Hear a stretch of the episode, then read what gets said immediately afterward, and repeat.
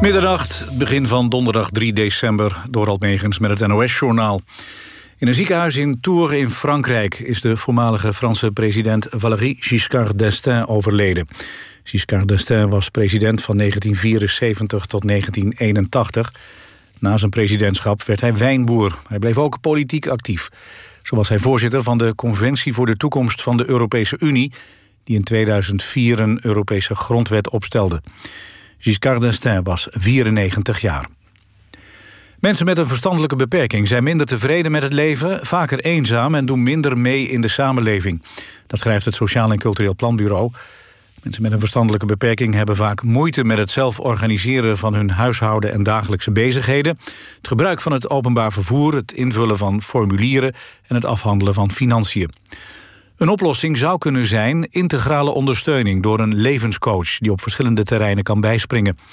Maar ook regels, procedures en formulieren van overheid en zorgverleners zouden eenvoudiger moeten. Als in het eerste kwartaal van volgend jaar zo'n anderhalf miljoen kwetsbare Nederlanders worden gevaccineerd tegen corona, kan het sterftecijfer sterk dalen, verwachten experts. Maar het zal weinig impact hebben op de verspreiding van het virus. Bewoners van verpleeghuizen spelen daarbij namelijk geen grote rol. Dat zijn vooral jongeren en mensen van middelbare leeftijd. De coronaregels zullen dus voorlopig van kracht moeten blijven. De skipistes in Oostenrijk gaan 24 december weer open. Maar hotels, appartementen en restaurants blijven nog gesloten tot 7 januari. In de praktijk kunnen dus alleen mensen uit de regio skiën. Verder geldt dat toeristen 10 dagen in quarantaine moeten als ze uit landen komen met veel besmettingen. En dat zijn bijna alle landen in Europa. Het weer vannacht bewolkt en regenachtig, minimumtemperatuur 3 graden. Ook overdag op de meeste plaatsen bewolking met van tijd tot tijd regen of motregen. Dan wordt het 5 tot 7 graden. Dit was het NOS Journaal. NPO Radio 1. VPRO. Nooit meer slapen.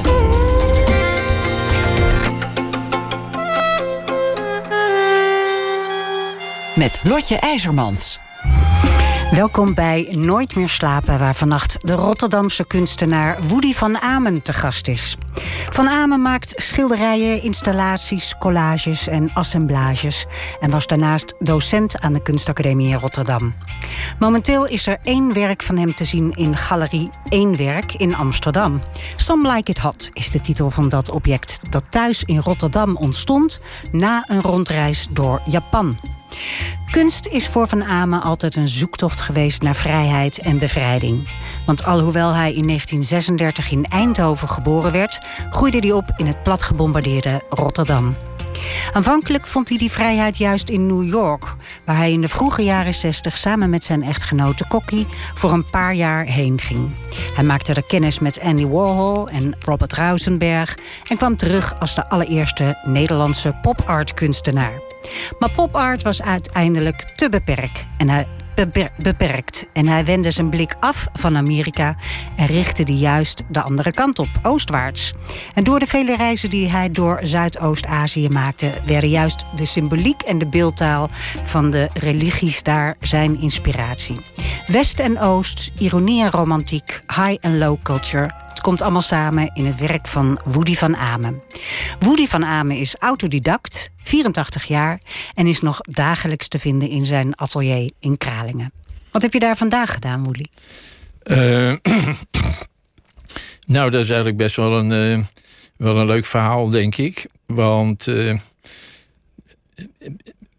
ik, ik zit vaak s'avonds, als het laat is, zit ik een beetje te zeppen mhm. achter mijn televisie. En uh, ja, dan, als het heel laat is, dan kom je altijd vaak uh, op van die. Uh, ja, dat zijn van die, van die zenders, weet je, waar Oké, die zenden Bob Roos uit. Dat is een schildersfenomeen. Ja. En dat is altijd heel, uh, heel leuk om naar te kijken. Bob Roos, de, de man die in 20 minuten een prachtig uh, uh, dennenbomenlandschap neerzet. En, en, ja, op een gegeven moment, weet je, ik denk, oké, op een gegeven moment dacht ik, ja, dat is toch een fenomeen, die, die Bob Ross. Die, die leeft natuurlijk, die is al heel lang dood. Maar ik dacht, ja, dat is echt helemaal te gek. En uh, ja, toen was er een keer iemand uh, bij me op bezoek. En ja, dat kwam, ja, kwam Bob Ross te sprake ook. Zo van, ja, wat doe je s'avonds als het laat is en zo. En oké, toen kreeg ik een eh, boekje in handen. Die, ik kreeg een boekje van, het was een, eh, een vriendin van me. En eh, een boekje over Bob Royce, weet je wel.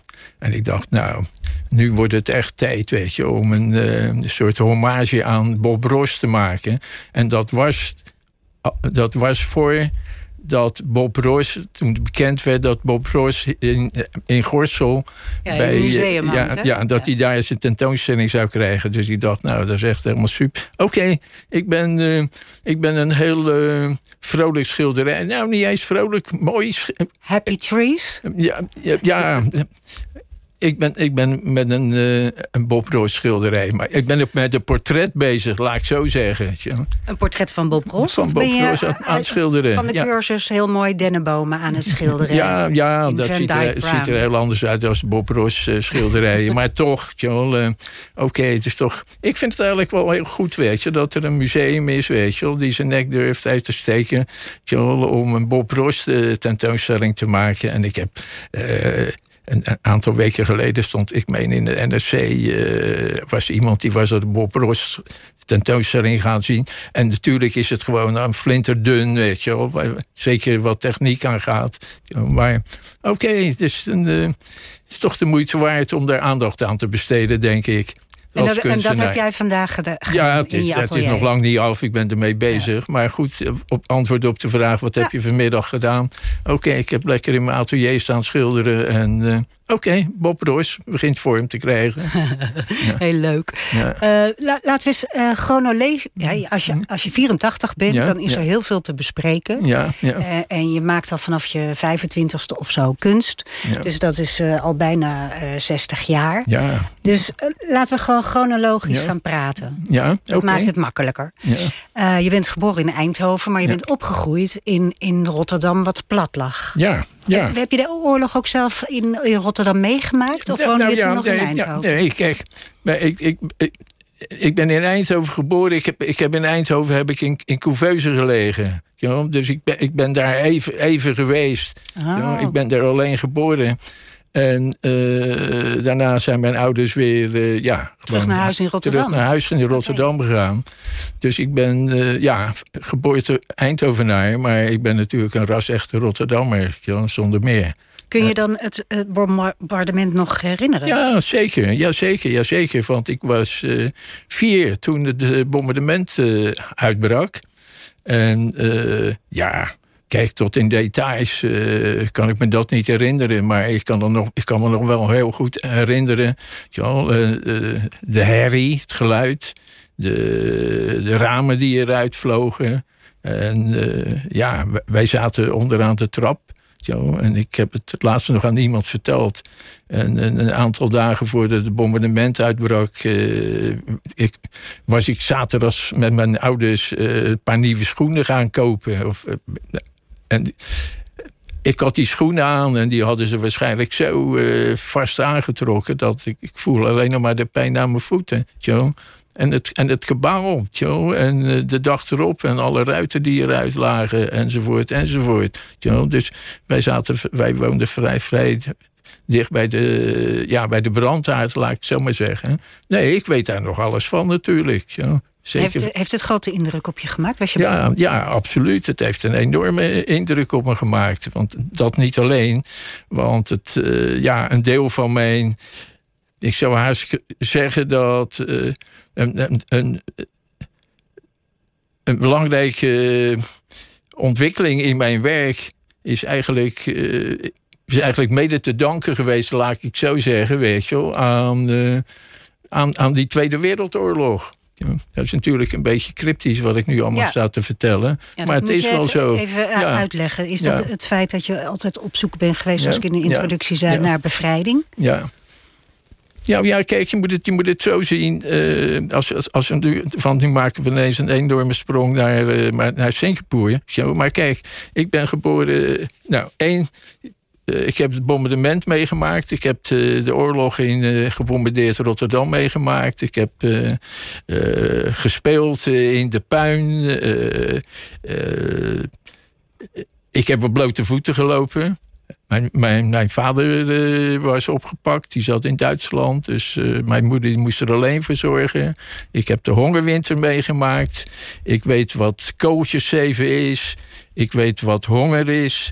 En eh, er zijn ook van die foto's, die kwamen kort na de oorlog, geloof ik, in de publiciteit van kinderen die over van die gamellen hingen met lepels. You know. Wij Nee. liepen in de oorlog, in de hongerwinter, we liepen altijd met een lepel in ons zak. you know om te zien als er ergens eten was. En de- wij, wisten waar die gaarkeukens waren.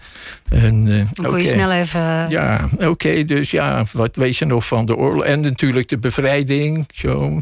Zo. En eh, ja, daarna ging het in een stroomversnelling eh, vooruit. Zo. Maar, Maar het heeft je totaal gevormd. ja, ja, zeker, ja. Als je daar één woord aan moet geven... aan wat het met je gedaan heeft... Nou.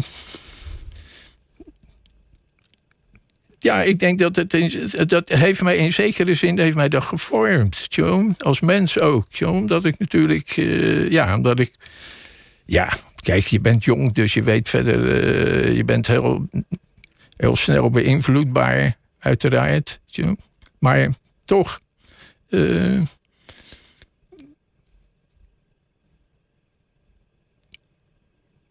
Kijk, mijn leven zou er heel anders uit geweest, uitgezien hebben. hebben dan, ja, niet alleen voor mij, weet je, maar voor al mijn tijdgenoten, die Ja. oorlog er natuurlijk niet was geweest.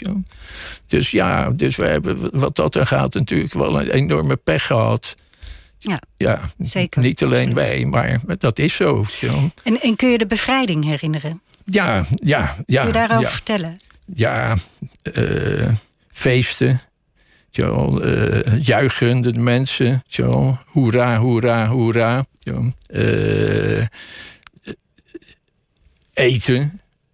Eindelijk. Eten. Eindelijk, eten. Zo, blikken met kaakjes en zo, weet je wel. En oké, ja, er kwam ineens weer brood tevoorschijn. En ja, de, de moffenhoeren ook hè, opgebracht worden. Eh, ja, oké, allemaal van die dingen, weet je, waar je van achteraf zegt... nou ja, was dat nou allemaal zo geweldig? Maar goed, dat gebeurde. Straatfeest, eh, ja, hoera, Nederland bevrijd. Chocolade, Keek je op tegen de Amerikanen? Is Rotterdam door de Amerikanen bevrijd? Of Ja, nee, door de Canadezen. Canadezen vooral, hè? Canadezen, Ja. ja. ja. kijk, ik, daar was ik nog eigenlijk nog te jong voor. Omdat, eh, maar goed, eh, ik was, even kijken, hoe oud was ik? Zes, negen, negen jaar? En vijf en eh, vier, ja, negen. Ja, ja. negen jaar toen de, ja, toen de bevrijding kwam. Dus ja, ik heb er genoeg van eh, meegemaakt. Joh. Ook, eh, ineens kwamen er de Engelse soldaten en de Canadese soldaten liepen door de markt, op straat. joh. En aan de rivier lagen Engelse sol- oorlogsschepen. En, nou ja, het, het, het straatbeeld ging veranderen. joh. Ja, ja. Je gaat er helemaal een beetje van stralen. Je wordt er Ja. opnieuw blij van. ja. Heeft dat iets te maken met het feit dat je op een gegeven moment als jonge twintiger bedacht: ik moet naar Amerika? Ja, nou, dat ging eigenlijk een, eh, ging eigenlijk een beetje anders. Eh, ik maakte in die tijd. eh,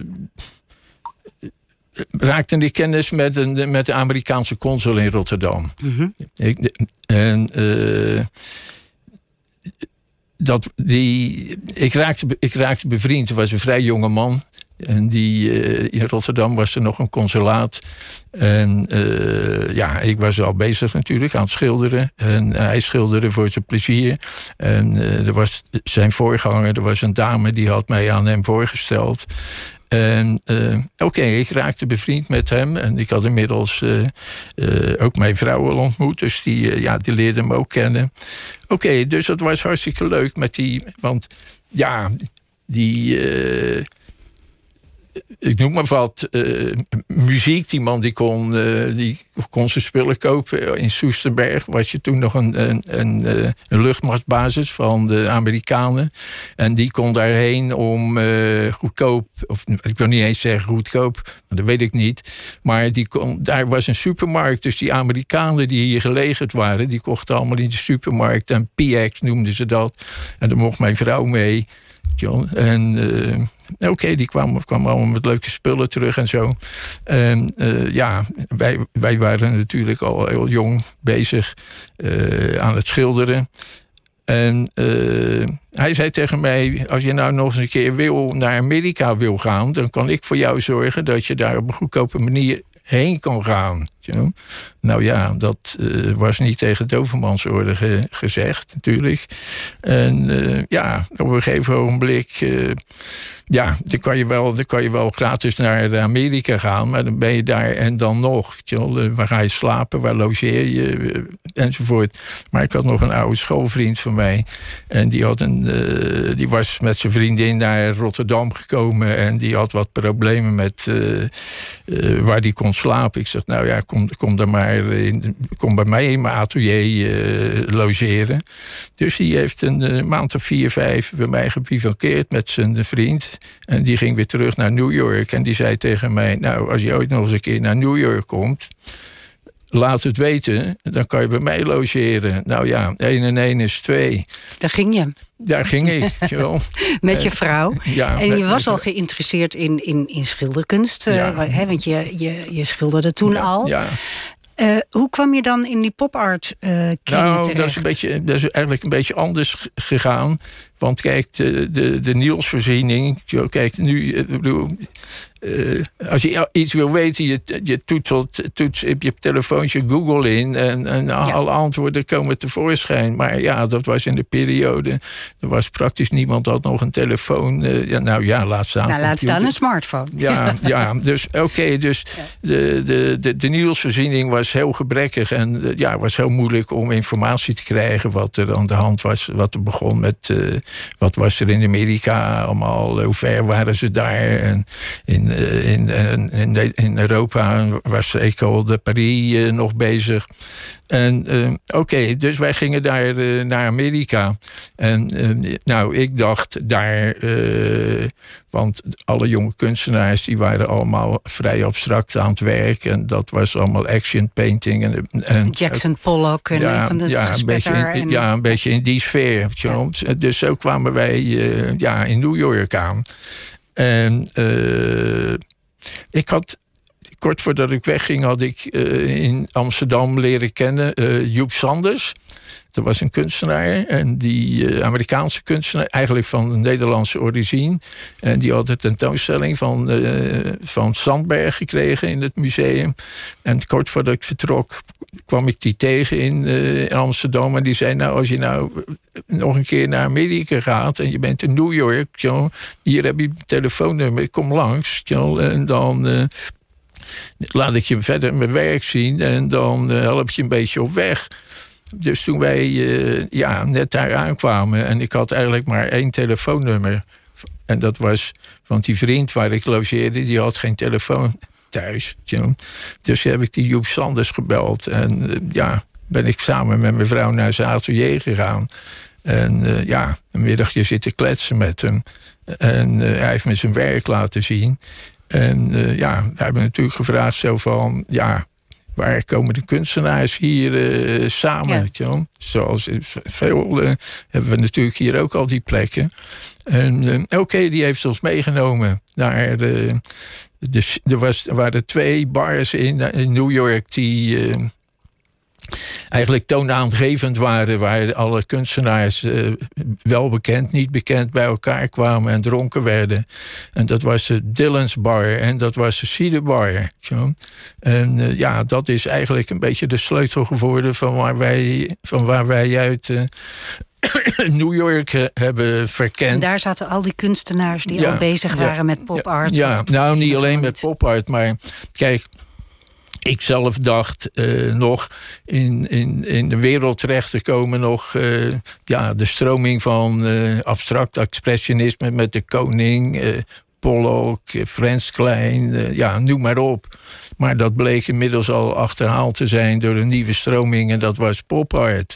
Vond je het jammer? Want nou, zo, zo klinkt het een nou, in zekere zin wel. In zekere ja. zin wel. Hoewel ik daar gedurende de tijd dat we daar hebben gezeten wel uh, uh, heel veel van hebben gezien. Maar voor mij was het echt een openbaring toen ik de eerste werken van Robert Rauschenberg zag en van Andy Warhol. En, en zeker nog in die tijd was nog echt heel vroeg werk van wat ze maakten. En ja. Wat trok je er zo in aan? Nou ja, één voor mij was heel duidelijk dat het was een afspiegeling van de consumptiemaatschappij. Want, uh, ja, misschien moeten we even, want niet iedere luisteraar is volledig ingevoerd. Ja. Dat hoeft ook helemaal niet. Wij kunnen even uitleggen wat pop art is. Nou ja, dat, dat, dat is niet in 1, 2, 3. Kijk, voor mij is pop art een afspiegeling van de maatschappij, de consumptiemaatschappij, die er toen was, toen ik in New York of in Amerika maar goed, het New York staat erin centraal. Uh, toen ik eraan kwam. Dus toen, wij, toen ik uh, naar Amerika ging, toen had je nog één zender. Mhm. op een avond in Nederland. en uh, er was geloof ik in Rotterdam net uh, een eerste supermarkt uh, heel subtiel begonnen. Maar in Amerika was ja, dat... maar in Amerika, ja, op elke hoek van de straathoek waren supermarkten, auto's.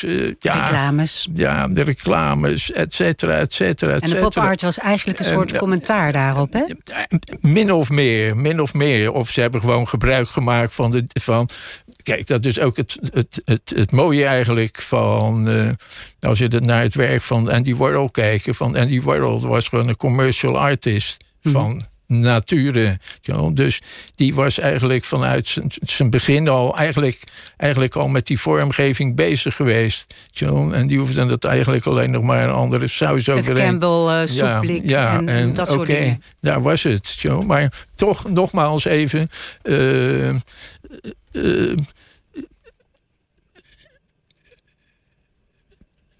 het was echt voor mij een, echt een culture shock wat ik, uh, ja, wat ik onderging.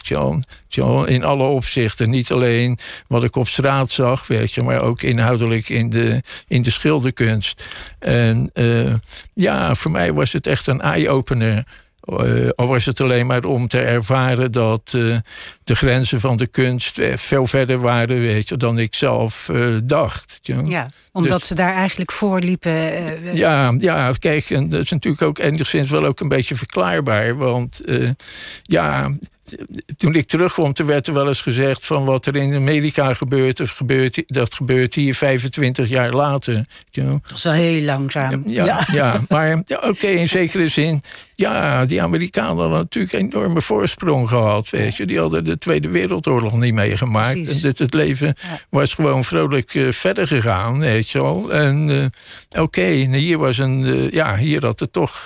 De, ontwikkeling vijf, zes jaar lang stilgelegen. Dus, dus wat dat dan gaat, uh, ja, viel ik eigenlijk met mijn neus in de boter. Ja, precies. Je, hebt, je, hebt, je hebt wel eens gezegd van ik heb daar in, in Amerika niet zo heel veel gedaan. Ik heb alles als een spons in me opgezogen. Ja, ja, En uh, toen raakte je vrouw zwanger en dacht je, we gaan terug naar Rotterdam, want daar wilde zij bevallen. Ja, dat klopt. en uh, daar ben je gaan schilderen. En opeens schilderde jij pop-art, want je had alles als een spons opgezogen. Dus jij maakte jouw eigen versie uh, van pop-art. En jij deed uh, de dingen die zij ook deden. Dat je uh, dingen uit de commerciële wereld eigenlijk loszong van de lading die ze hadden. Ja. En ze in een schilderij verwerkte. namen als Felix Kattenbrokjes en Esso en Wrigley Kauwgom had ja, je geloof ik. Ja, ja, ja. En ja, nog meer. Jij moet het vertellen. Nou ja, kijk, ja, kijk ik ben teruggekomen natuurlijk. Al, uh, uh, wat, je al, wat je al vertelde. Mijn vrouw was uh, zwanger en die, ja, ja na, na, langer, ja, na een paar jaar. Ze, ze zei, ja, ik geloof dat ik zwanger ben. Oké, nou, oké, dat bleek zo te zijn. En uh, ze zei, ja, nou, ik wil niet dat het kindje in, uh, in, hier in Amerika wordt geboren. Ja, ik zei, ja, waarom niet? Oké, uh, als er een jongetje wordt geboren in, en ik weet niet hoe het verder in Amerika was toen, maar als, als je in New York geboren werd en er was een jongetje, en die meeste bevallingen gebeurden allemaal in het ziekenhuis, die werd gelijk besneden besneden, circumcised noemden ze dat. tjo. Dat is En- toch alleen bij... eh, Ja, nee, dat, dat gebeurde gewoon. Oh, Daar hoef je er niet... oké. eh, ja, ja. Jij zegt het. Oké, ja, dat, ja. zo was het. Mhm. En eh, oké, die- en er was helemaal, nu heb je, wordt er een echo gemaakt, weet je gelijk of een jongetje of een meisje was. Vroeger was dat helemaal niet zo. Oké, wij terug met de boot. Want ze wilden niet dat als Ja, het een jongetje ja, was... dat hij ja, besneden zou worden. Oké, Ja. we zijn weer teruggekomen. Ja, kwamen we weer terug in Rotterdam. Ja, oké, hartstikke leuk natuurlijk. Maar ik miste, ik kwam in Rotterdam aan, weet je wel. We stapten van, de, waren, waren heen waren we met een vrachtboot gekomen. Eh, wat ik al zei, met de hulp van de Amerikaanse Mhm. consul. Oké, nou, het laatste half jaar had ik... eh, Oké, dat is een ander lang verhaal... maar had ik aardig wat geld verdiend. Zo, met, eh, In New York. in New Ja. York, weet je wel. Dus ik had, ja, we hadden genoeg geld om... ja, even jij baalde eigenlijk een beetje zo te horen. Dat zeg je? Jij baalde eigenlijk een beetje dat je terug moest. Ja, eigenlijk wel, ja. Maar ja, oké. Terug met de boot, aangekomen in Rotterdam. Ik had zelf nog een beetje idee dat eh, Rotterdam echt een wereldstad was. Hè, toch? Chauvinistische Rotterdammers. En eh, oké, we, namen een taxi eh, daar, de Holland-Amerika lijn, aan die pier op weg naar de, de ouders van, naar de moeder van mijn vrouw, weet je. En ik had echt het idee, weet je dat Rotterdam, dat slonk helemaal in elkaar, weet je als een, als helemaal, was helemaal niets meer. Ik dacht, jezus, doe ik hier? Ja, dat was echt verschrikkelijk. Maar oké, eh, ik, ik ben ik, ik vond vrij snel een plekje waar ik eh, kon gaan schilderen.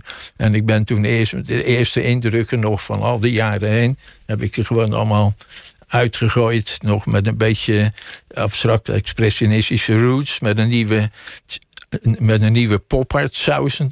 Laat ik Ja. het zo maar noemen. zo. Ja. En eh, oké, en het- er was een kerel in eh, Rotterdam, Galerie Delta, Hans Sonnenberg. En die kende ik nog van voordat ik wegging. En die zag er, die zegt, laten zien bij mij in de galerie. zo. Nou ja. En, Er werd eh, dus gelijk goed op gereageerd. ja, eigenlijk. dus er werd gelijk. Binnen een half jaar had ik al eh, tentoonstelling bij Hans, Hans Sonderberg in de galerie. En toen ik dat eenmaal de- dat min of meer eruit had gegooid uit mijn hoofd. tjo, Mhm. En toen ben ik eigenlijk gaan doen waar ik in de la- laatste maanden in New York mee, mee bezig was geweest. Ik ben objecten gaan maken. Ja. En ik had natuurlijk maar heel weinig geld. wel, Want ja, oké, dat maakt niet uit verder, want daar heb je helemaal niet zoveel geld voor nodig. En toen ben ik geld gaan maken met. of eh, gaan maken. eh, werk gaan maken met. Eh, Materialen die ik op straat en aan de rivier eh, vond. Ik woonde, was in, Rotterdam in de Oranje Boomstraat gaan wonen. En dat was op de hoek. Eh, er was de Maasbrug en er dreven allemaal auto rond. En eh, ja, oké, dat sleepte ik allemaal mee mijn atelier in. En eh, oké, daar, zijn, daar heb ik als eerste de elektrische stoel gemaakt. Precies, die elektrische Ja. stoel Ja. van wrakhout, Ja, van, van gaas, van plastic geraniums, weet ik veel. Ja, ja heel, bizar. Ja, ja. En, en, en met, met bewegende delen erin. Met, met nog een, een oude, een oude wasmachinemotor of zoiets. Nou ja, in ieder geval. Ook heel veel lawaai, heb ik Ja, maakt een enorm kabaal. en dat was eigenlijk was dat niet zomaar uit de lucht komen vallen. Want in de tijd dat ik die eh, elektrische stoel ging maken. John, er was een periode. de- in die tijd was er een Amerikaanse. Eh, eh, Amerikaanse zwarte negerjongen, of eh, ja, zwarte jongen eigenlijk. ja. Afro-Amerikaanse jongen, ja. Ja, en die was de dood veroordeeld. Dat, dat ventje was 14 jaar oud. Mm. Zo.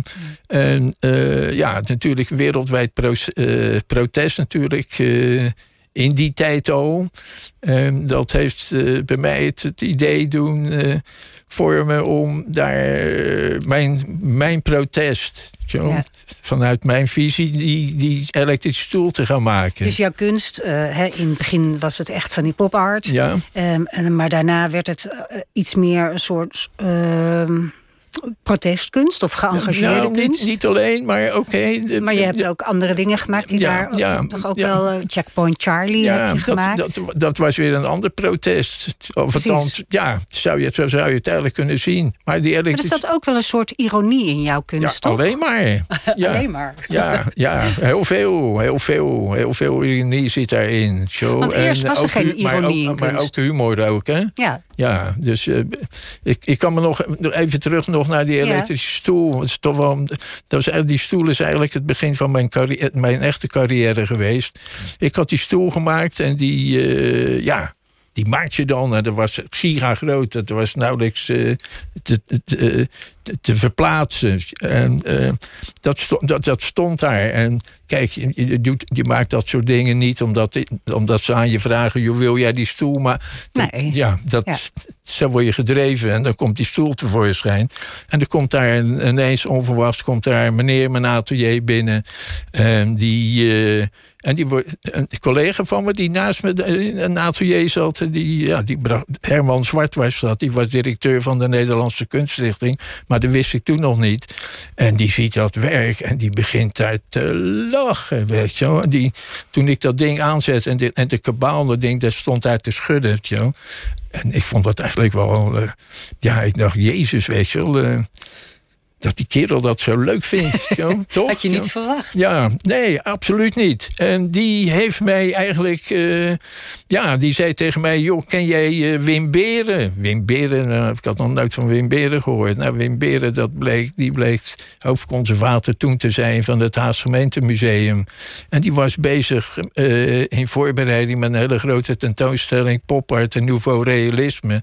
En die zei... Heeft hij dat wel eens gezien? Ik zeg, nee, ja, ik ken die man verder helemaal niet. Hij zegt, nou, eh, ik, ik laat wel foto's van dat werk maken... en die laat ik aan Wim Beren zien. En eh, ja, die, die zal het zeker geweldig vinden. En inderdaad, Tjal, eh, ik ben, ze hebben mij toen... of hij heeft mij toen opgenomen in die popart tentoonstelling. popart en Nouveau Realisme. Dat was begonnen in 1964 in, in het Haas Gemeentemuseum. Maar die tentoonstelling ging daarna door naar eh, Berlijn en naar Wenen en naar Brussel en naar Kopenhagen en naar Londen. Dus overal joh, ging dat werk, dat werk van mij reizen stoel, steeds die mee. reist Ja. door de hele wereld En- rond. dat, dat heeft mij min of meer een beetje op de kaart gezet. Joh. Ik was toen echt een, de popart vertegenwoordiger natuurlijk in Nederland.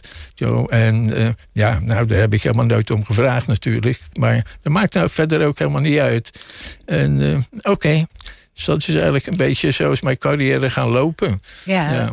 En, en je hebt een aantal eh, van dat soort eh, ja, objecten eigenlijk Ja. gemaakt. Van, Ja. van dingen die je gewoon vond. Hè, zoals dat ja, wrakhouten ja, gaas. of ehm, even kijken, wat, wat, eh, hoe noem je dat? Objecttrofee.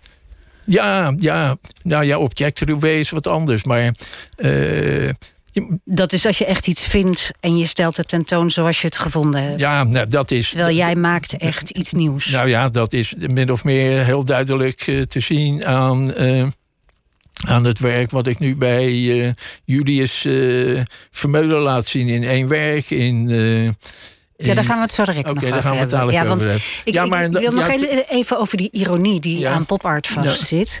Ehm, dat was eigenlijk heel nieuw in de kunst. Dat er ironie kwam, of humor. Dat was da- daarvoor eigenlijk nooit zo geweest. Maar op een gegeven moment eh, vond jij het ook kil worden. Die ironie en die objecten die je zomaar op die manier Nou, maakte. nee, het, het, ging een beetje, het ging eigenlijk een beetje anders. Want eh, wat ik al vertelde, die, eh, de, nou, die, het eerste grote object wat, ik- wat ik maakte, is die, eh, de, Elektrische stoel. de elektrische stoel. Daarna, want dat is niet, eigenlijk niet de elektrische stoel die is gaan reizen. Daarna heb ik Woody's Wonder gemaakt. Dat was echt een gigagroot object. Dat was zo groot. you know. En ja, dat was echt giga. giga. En het was een object, dat, een soort stoel, ja, een soort een, ding, John. Maar je kon er ook in zitten. John. Dat een soort uh, eenvoudige manier had ik er een stoeltje in gemaakt. Nou, als je erin ging zitten, dan zat je op een wc-bril.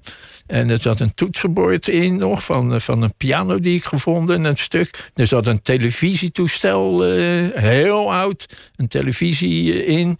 En er stond, vroeger had je televisies, mensen in huis, en als ze voor de, om de zender, dan hadden ze zo'n spriet. Antennetje, ja. Zo'n spriet, en die moest je dan draaien. Nou, die spriet die stond er ook bovenop, op een... Uh, uh, op een uh, oude, oude platenspeler, die stond erop, dat draaide. Nou, alles draaide en zo.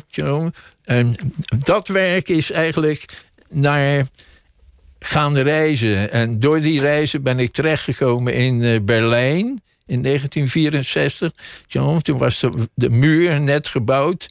Ja. Nou, ja, ja, het is natuurlijk heel bizar als je daar komt. En dus er is ineens die muur natuurlijk. En, uh, toen heb ik Checkpoint Charlie gemaakt. Checkpoint Charlie was er nog die doorlaatpost. Toen. Ja. En ik had... Uh, Grensovergang ja, van west ja, naar oost. Ja, en ik had, twee, en ik had uh, oude altaarpanelen bij een uh, opkoper gevonden. En oké, okay, daar heb ik dat hele tafereel van Checkpoint Charlie heb ik daar op... Dus in de, in met, de, met drie onthoofde heilige, heilige ja, beelden. Ja, nee, de, het, ja, Oké, okay, dat die heilige beelden, die... Die laten we even die, buiten die, die uh, Er was een mechanisme gemaakt dat bewoog van links naar rechts. En, en allemaal lampjes had ik erin gemaakt. Zoals in Times, of in uh, Times Square in New York. Hè. Dus gewoon al die, al die gegevens en al die elementen die je daar had meegemaakt en gezien. In het contrast het, tussen ja, het en westen dat, en het oosten. Ja, en al die ideeën die kregen het allemaal een nieuwe plek in, in, in mijn werk. En uh, oké. Okay. Dus dat heb ik een. Uh, Oké, okay, daar ben ik een aantal jaren mee, uh, ja, mee bezig geweest. Ja, wat ik al zei, een beetje afreageren uh, van mijn katholieke opvoeding, met kerk. En uh, oké, okay, seks kreeg een rol ook in mijn werk. En, een flippenkast okay. met twee vrouwenbenen, ja, waardoor de, het leek ja, alsof ja, je... de vrouwenbenen die op en neer gingen. Uh, ontmoetingen met Ted Jones, de Amerikaanse jazzpoet. Oké, okay, al die dingen. Maar ja, op een gegeven moment dan... ja, ja, ik dacht, ja, dan kan ik wel zo heel lang nog door blijven gaan. Maar ja, oké. Okay. Ik had een beetje het gevoel ook, John, dat ik ook, omdat ik een beetje succes had en ik begon ook wat te verkopen, weet je, dat ik ook van buitenaf een beetje werd gemanipuleerd, John, ten opzichte van mijn vrijheid. Ik voelde me ook een beetje in mijn vrijheid beknot. Alsof je in een soort keurslijf zat en dat soort ja. dingen per se moest maken. Ja, ja. en uh, oké, okay, toen heb ik een. Uh, dan heb ik een tijd een, een time-off genomen. Ik was, ik was verhuisd, joh, en uh, we gingen naar een ander huis. En dat huis moest een beetje opgeknapt worden. En ik dacht, ja, oké. Okay.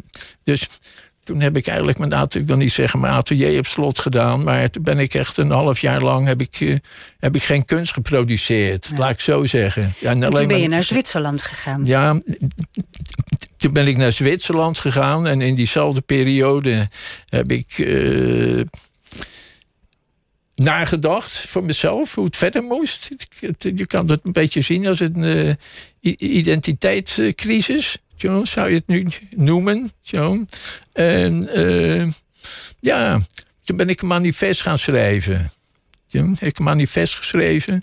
En uh, in die tijd dat ik dat manifest, uh, dat ik daarmee, uh, dat ik dat had afgerond, nodigde een, een vriend van mij, mij en mijn vrouw en mijn twee kinderen, want ik had inmiddels twee kinderen, om voor een, voor een, een najaarsvakantie in Zermatt, de Matterhorn.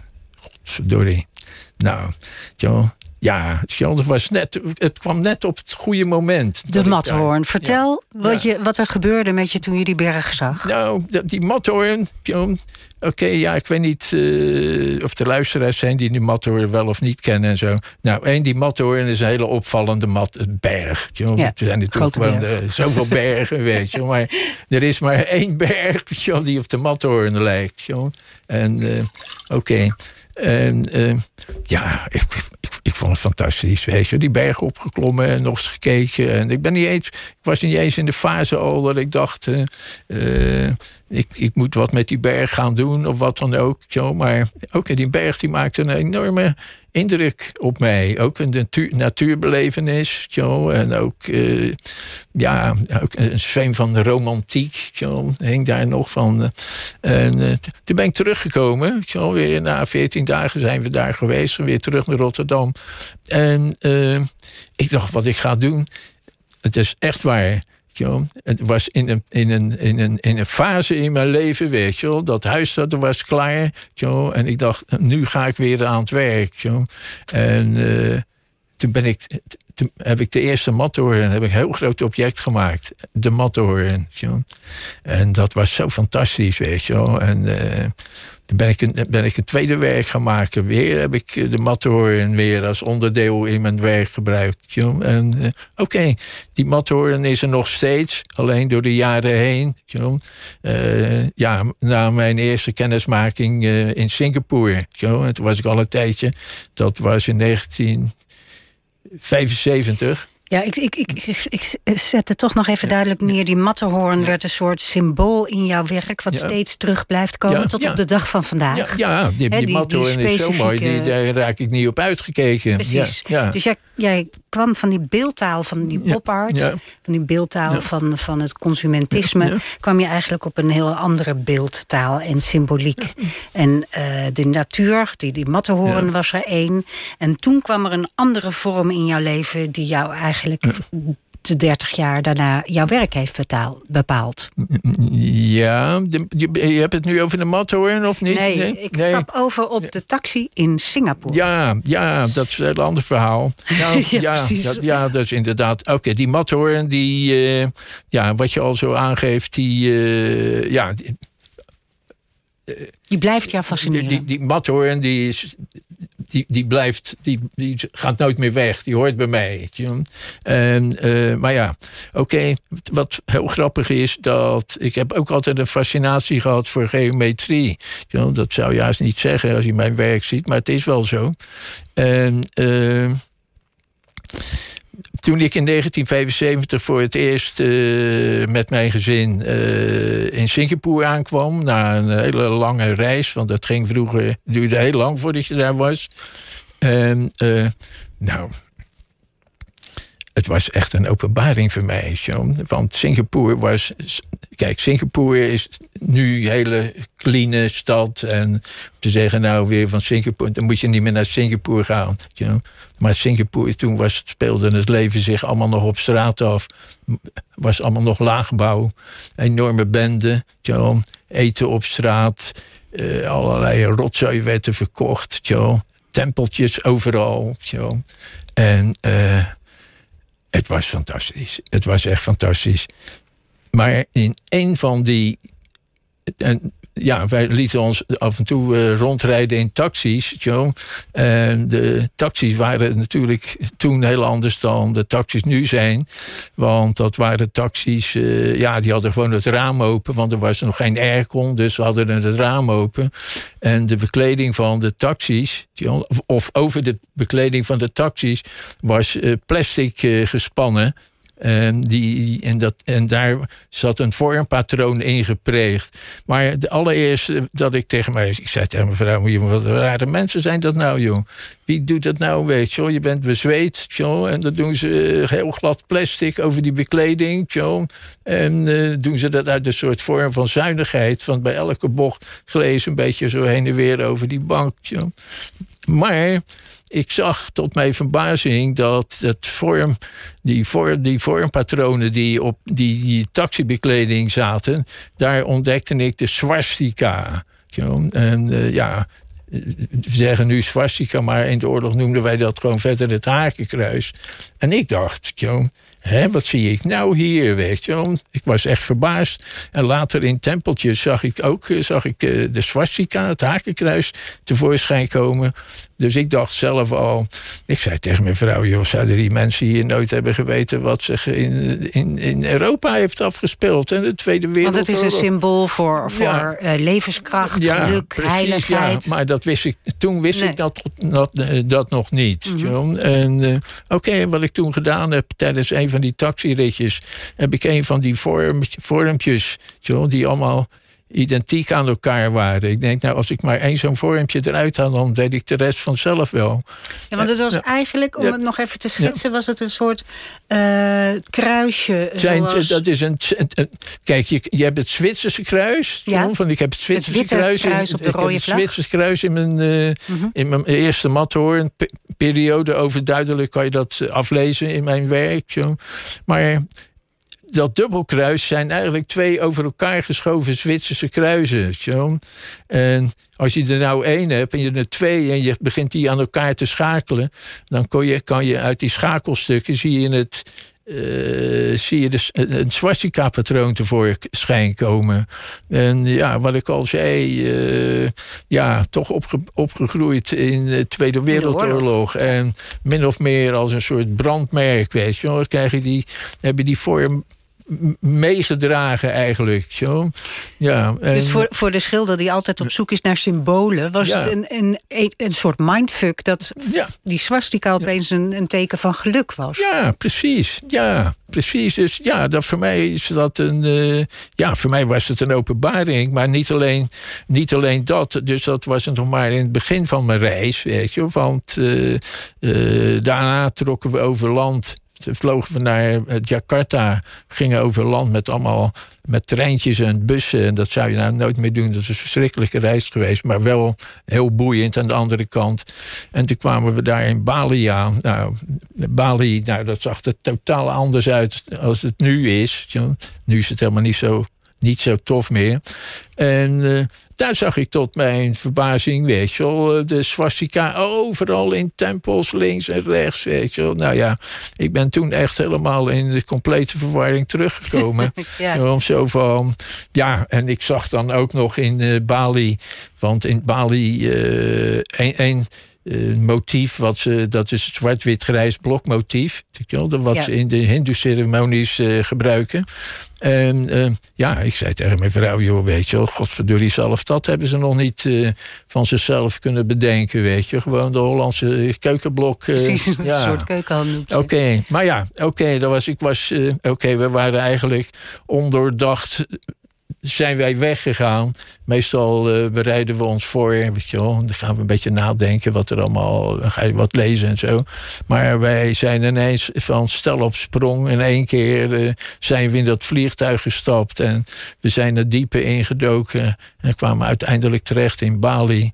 Nou ja, dat, onze eerste reis was echt, eh, ja, zo geweldig. John. En het was allemaal heel primitief. eh, Dat was eigenlijk jouw tweede cultuurshock, hè? ja, dat was mijn echt het. Ja, de, mijn, ja, mijn, de- mijn, eerste, mijn eerste culture shock is, is wat ik al vertelde. Dat is in eh, Singapore geweest. John, want ik kwam in. eh, ja. ja, Singapore was echt nog heel native. Het was, ja, wat ik al zei, eh, marktjes op straat. Singapore was net bezig, John, zich los eh, om zichzelf zelfstandig als staat eh, eh, op, op te reizen. John. En ja, eh, even kijken hoor. Laten we even teruggaan naar die, naar die vorm van die eh, twee kruisen. Ja, ja, In elkaar geschoven Ja. kruisen. ja. Want daarmee ben je eigenlijk ontzettend gaan experimenteren toen je terugkwam. Ja, nou kijk, wat ik ben, wat ik ben gaan doen, is, ik ben teruggekomen. En eh, ja, wat ik al zei, voor mij is reizen heel belangrijk. En reizen ja, heeft een enorme impact op, op, mijn, op mijn werk altijd. Ik, ik, als ik wegga, ik kom altijd terug. Ik heb altijd wat bij me, wel, in mijn hoofd of gevonden op straat. Eh, nou ja, die, dat, dat dubbelkruis was voor mij zo belangrijk. Al was het alleen maar eh, door die aaneenschakeling van die dubbelkruis aan elkaar... dat je daarmee de swastika kon laten zien... zonder echt de swastika te mo- te moeten tekenen. En En toen ik wist ook uh, dat de swastika een hele diepere betekenis had hè, in, de, in de Aziatische cultuur, zeker binnen het boeddhisme en binnen het uh, hindoeïsme. En uh, ja, dat dat mijn nieuwsgierigheid heeft min of meer gewekt. En ik was met een dagboek bezig. En heb ik geprobeerd in dat dagboek heb ik gekeken of het mogelijk was om die, die dat die tweede dimensie een, dimensie erbij te geven. En uh, oké, daar ben ik echt uh, ja, heel lang mee aan het stoeien geweest. En ik heb het eerst geprobeerd driedimensionaal te tekenen. Nou ja, je weet, je kan, je kan wel driedimensionaal tekenen. Maar dan moet je aan de ene kant van het papier beginnen en dan omslaan en aan de andere kant verder gaan. En uh, Oké. Uh... Ja, je hebt eigenlijk eh, met die dubbelkruisen, die je een derde dimensie hebt gegeven, heb je een nieuwe vorm gevonden. Die heb je taxaat genoemd. Taxaat, ja. Uh, naar uh, de taxi, onder andere. Ja, Dat is een, een, mooi woord wat je achterstevoren ook kan zeggen. Je hebt het gedeponeerd ook als vorm. En uiteindelijk is het uh, geplaatst, de buitenlijnen van die vierkante spiraal... op de Mariniersweg in, in Rotterdam als symbool voor de wederopbouw van de stad. dat klopt. Ja, dat klopt. Nou ja, dat best wel... wat ik al zei, dus op een gegeven moment... Ja, kijk, op een gegeven moment ik was eh, uitgekeken. Kijk, je kan dubbelkruis tekenen, je kan er nog één tekenen en er verandert niks aan het dubbelkruis. En ik kan hem links zetten, hoog, zo, maar begrijpelijk weet je er alles van en dan is het niet meer, dan, ja, dan ben je er eigenlijk. Uh, ja, je moest driedimensionaal ja, dus, gaan Ja, dus ja. Ik, ja, ik zocht naar een andere dimensie in dat werk. En toen is, die, uh, ja, toen is eigenlijk die ruimtelijke vorm de taxat ontstaan. Toen ben ik gaan nadenken. Dubbelkruis kan je opdelen in negen vierkanten. Zo, negen vierkanten kan je blokjes van maken. Zo, en oké, op een gegeven moment was ik zo ver dat ik dacht... nou, nu weet ik het. Zo, nu, nu hoef ik het niet meer te tekenen... want ik weet hoe ik het kan bouwen. Ben ik op een avond waar ik woonde even naar het zolder gegaan. Ik had nog wat latjes en balkjes. Een beetje gaan zagen. En op een gegeven moment had ik, die, had ik, het, had ik, het, had ik het echt in mijn hand. De eerste kleine vorm van, van die tak zat. En daar heb ik echt de hele nacht van wakker gelegen. Want ik zag voor mezelf zoveel mogelijkheden met wat ik in mijn handen had. Dat ik de vorm ben gaan deponeren. En degene die me daar mee geholpen heeft, om dat te kunnen deponeren. Moet je weten welke bureaus je af moet gaan en hoeveel geld je in je zak moet hebben. John, die zei tegen mij. En als je dan toch zoveel werk doet, John, uh, denk dan ook na over, de, over een naam van het werk. John. En dat was een professor, uh, auteursrecht in Amsterdam, Lex, Lex Komen. Hij leeft niet meer. En, en ik reed naar huis en ik dacht, nou, ik weet het al, uh, taxi. John. Ja, daar heb ik de basis ontdekt. Maar ja, dan ben je thuis, weet je. En dan ga je achter je, achter je tafel, je werktafel zitten. En ik denk, ja, een taxi kan je niet deponeren. Hè? Dat taxibedrijven. Dat bestaat al. Ja, dat bestaat al. Oké, toen heb ik eh, de I weggeschrapt. En dan heb ik de A en de T, T achtergezet. Dus dan heb je een palindroom. Maar kijk, als je die X in het midden houdt... dan kan je hem er ook nog eens een keer verticaal op zetten. En dan heb je het Zwitserse kruis weer terug, eigenlijk. En uh, oké, zo, uh, ja, dus op een gegeven moment had ik die driedimensionale vorm. En toen ben ik gaan nadenken, wat kan ik nou nog meer als je daar nou van, uh, van al die van al die kruispunten, als je, daar nou, als, je daar nou, als je dat nou vertaalt in balkjes en in hoeverre hoeveel balletjes kan je nog weghalen, zodat die vorm nog steeds de vorm blijft. En uh, oké, dat is uh, dus, die, ik noem dat zelf de lijntak zat. En ja, en dat stond, er, stond in mijn atelier. Uh, ja, ik was er nog lang niet op uitgekeken. was het eerste begin. En toen ben ik er ook nog aan ja, uh, kleur aan gaan geven. En ik denk, nou ja, zo'n balk heeft vier vlakken. Dus dan uh, kan je elk vlak kan je een kleur geven. Nou, het eerste wat je natuurlijk aan denkt, de primaire kleuren. Je kan wel zeggen roze en groen en blauw, maar voor de duidelijkheid de primaire kleuren. En dat stond eigenlijk in mijn atelier. En ja, toen kwam er een, uh, een, een architect kwam langs. Een keer op zaterdagmiddag. Dat deed hij wel eens meer. Kletsen, een beetje kletsen, een beetje naar mijn werk kijken. En, eh, die, die, ja, en die vond het fantastisch wat, wat hij zag. En die zei, nou, mag ik nog een keer uh, terugkomen met een collega van me? Ik zei, ja, kom maar. En toen stelden ze me voor om die lijntaxat, want dat is de lijntaxat, om die heel groot in Rotterdam. Joh, ergens, ja, zes meter, hè? Nee, het alle, zoals je nu staat, is die 9 meter. Maar hun hadden, een, hun hadden een. Ja, maar hun hadden een idee om die taxat heel uitvergroot op het, op het, uh, op de uh, Churchillplein neer te zetten. Dan op, in een maand dat de tram er onderdoor kon rijden. ja, dat was giga groot. Oké, nou dat uh, lukte allemaal niet, want het stond het op een dak van de tunnel. Maar uiteindelijk is het beeld dan toch, uh, is het toch gekomen en het staat op de Mariniersweg. Maar, zo, want het is, hun idee was een gift aan Rotterdam ter afsluiting van de wederopbouw. Ja, dat ja. was het. Dus uh, ja. echt uh, over ironie gesproken. Hè? Dat, dat aan de basis van uh, het symbool voor de wederopbouw... ligt eigenlijk het symbool van de swastika. Eigenlijk wel. Wat dan weer wat heel anders betekent. Ja, ja, eigenlijk dus wel. Eigenlijk nog steeds ironie. Maar ik wil nog eventjes, want de tijd is al bijna om. En ik wil nog heel even praten over het kunstwerk... wat nu in Amsterdam te zien is. En ook wat me net binnenschiet. Is dat hoe jij vertelt over het maken van kunst... Um, voor ons gewone stervelingen die niks produceren op ja. die manier, is het altijd van hoe gaat zoiets? Maar alles wat jij vertelt is eigenlijk heel erg dat het vanuit je intuïtie zo gaat. Je, je gaat een beetje klooien, je vindt een vorm, daardoor raak je enorm gegrepen door die vorm. Ja. Een mattenhoorn, ja. een kruis. En van daaruit ga je gewoon ja, jij zegt dan van ja, ik ging een beetje naar de zolder en ik ging wat latjes pakken ja. en zo. Het, het, het, heeft iets heel intuïtiefs. Klopt dat? Of is het. Heel... Ja, je gaat je ook voor een deel op je gevoel af. Toch? Je denkt erover na, maar ja, het gevoel speelt ook een belangrijke rol. En zo, zo is dat werk wat ik nou bij, bij. Dat is ook. Ja, laten we het ja. even over dat ja, werk hebben. Ja, nou ja. Want je was met je dochter in Japan. Ook daar nog weer een reis. Nou ja, ik, ik, eh, oorspronkelijk zou ik bij jullie eens in één werk uh, uh, totaal wat anders laten zien. En uh, oké, okay, en ik zou eigenlijk al eerder daar met, met tentoonstellingen hebben gehad. Ik ben toen ziek geworden. Oké, okay. Uh, Oké, toen uiteindelijk ebde dat hele eerste idee ebde een beetje weg. En ik, uh, ja, wat ik al, uh, ja, ik ging dus vorig jaar met mijn, met mijn dochter naar, naar Japan. En, en, kort voordat ik wegging had ik Julius aan de telefoon. En die zei, ja, als je nou dadelijk toch in dat vliegtuig zit... dan denk nog eens na, weet je Misschien komt er wel iets anders omhoog borrelen enzovoort. Dat is de galeriehouder, hè? Ja, ja. ja. Dus ja, eigenlijk zo ging ik, zat ik eigenlijk, zo ging ik naar Japan. Jong. En terwijl ik in Japan was, weet je ja, gebeurde er van alles en nog wat om me heen. En uh, ja, ik spreek geen Japans en mijn dochter wel, hele mooie dingen. Maar ja, zoals het. Toen kwam ik, zat ik in die metro.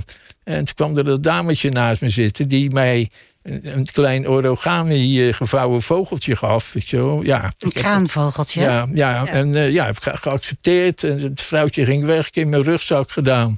Zo, nou, uh, veertien dagen later, toen wij op, de, de, ja, op het station stonden op weg naar het vliegveld om terug naar Nederland te vliegen, kwam er een. Uh, kwam, we hadden niet ontbeten. En mijn dochter die kwam uh, met een. Ja, met een blikje bloedhete koffie aan. Uit, een, uit zo'n vending machine. En het sandwich. En dat hebben wij genuttigd op het platform waar, van, van waaruit vertrokken in die wachtkamer. Geen, er waren geen. Uh, kom. Vuilnisbakken? Er waren geen vuilnisbakken, dus ik stopte dat blikje in mijn tas, wij naar huis. Ja, de volgende ochtend, weet je wel. Ja, ik word een beetje slaperig wakker, weet je wel. Ja, loop in je eentje door het huis. Ik denk, nou, ik ga mijn, mijn rugzak maar uitpakken. Ja, aan de keukentafel. Een van de eerste die ik tevoorschijn haalde Dat was dat origami-vogeltje. En toen zag ik eigenlijk pas voor het eerst hoe, mooi dat was. Hè. Dat was voor mij was het echt een soort kleinoot geworden. En ik, was echt, ik, voelde me echt heel gelukkig toen ik dat in mijn handen had. En ik zette dat voor me op tafel. Ik ga verder uh, spullen uit die rugzak halen. En toen kwam ik dat blikje tegen. Ik denk, jeetje, weet je, dat heb ik ook nog. Ja, dat zijn die dingen, weet je, die stop je in je rug en die vergeet je verder. En dat was echt, joh ik zag dat blikje en ik zag op dat blikje, daar zat ook een kraanvogel op. En ik had dat kraanvogeltje in mijn handen. Eén en één is twee, zo. Ik denk, één werk. het was echt een object privé. Ik heb dezelfde het, hetzelfde uur heb ik Julius een, een, een, mailtje gestuurd en echt geschreven, weet je Gelijk hier komen, ik heb, ik, heb, ik heb één werk voor je. Zo makkelijk kan het gaan. Ja, ja dat was gewoon echt, ja. En, en zo, zo, zo, kunnen dingen gaan. Dat werk heet Some Like It Hot. Ja, het is nu nog te zien tot 9 januari in de Galerie Ja, de tentoonstelling is verlengd. Ja. Is, het, is het pop art? Ja, ja, hè? je bent gewoon weer helemaal terug. Ja, nee, ja, absoluut. Ja, ja tuurlijk. ja. Nee, nee, nee, beslist. Ja. het, het, leven is een, een, een reis vol ironie. Ja, hè? en je komt gewoon steeds weer terug op een andere manier dan je gedacht had. Het was leuk om met je te spreken. Ja, dank je. Ja, dank je wel, Woody van Amen. En uh, zijn werk is dus nog tot 9 januari te zien in Galerie 1 Werk in Amsterdam. Morgen praat Atze de Vrieze met uh, René Diek over zijn boek In gesprek met je ouders. Uh, je kan nooit meer uh, slapen luisteren als podcast natuurlijk. En je kan op deze zender blijven voor Miss Podcast. Op Radio 1, het nieuws van alle kanten.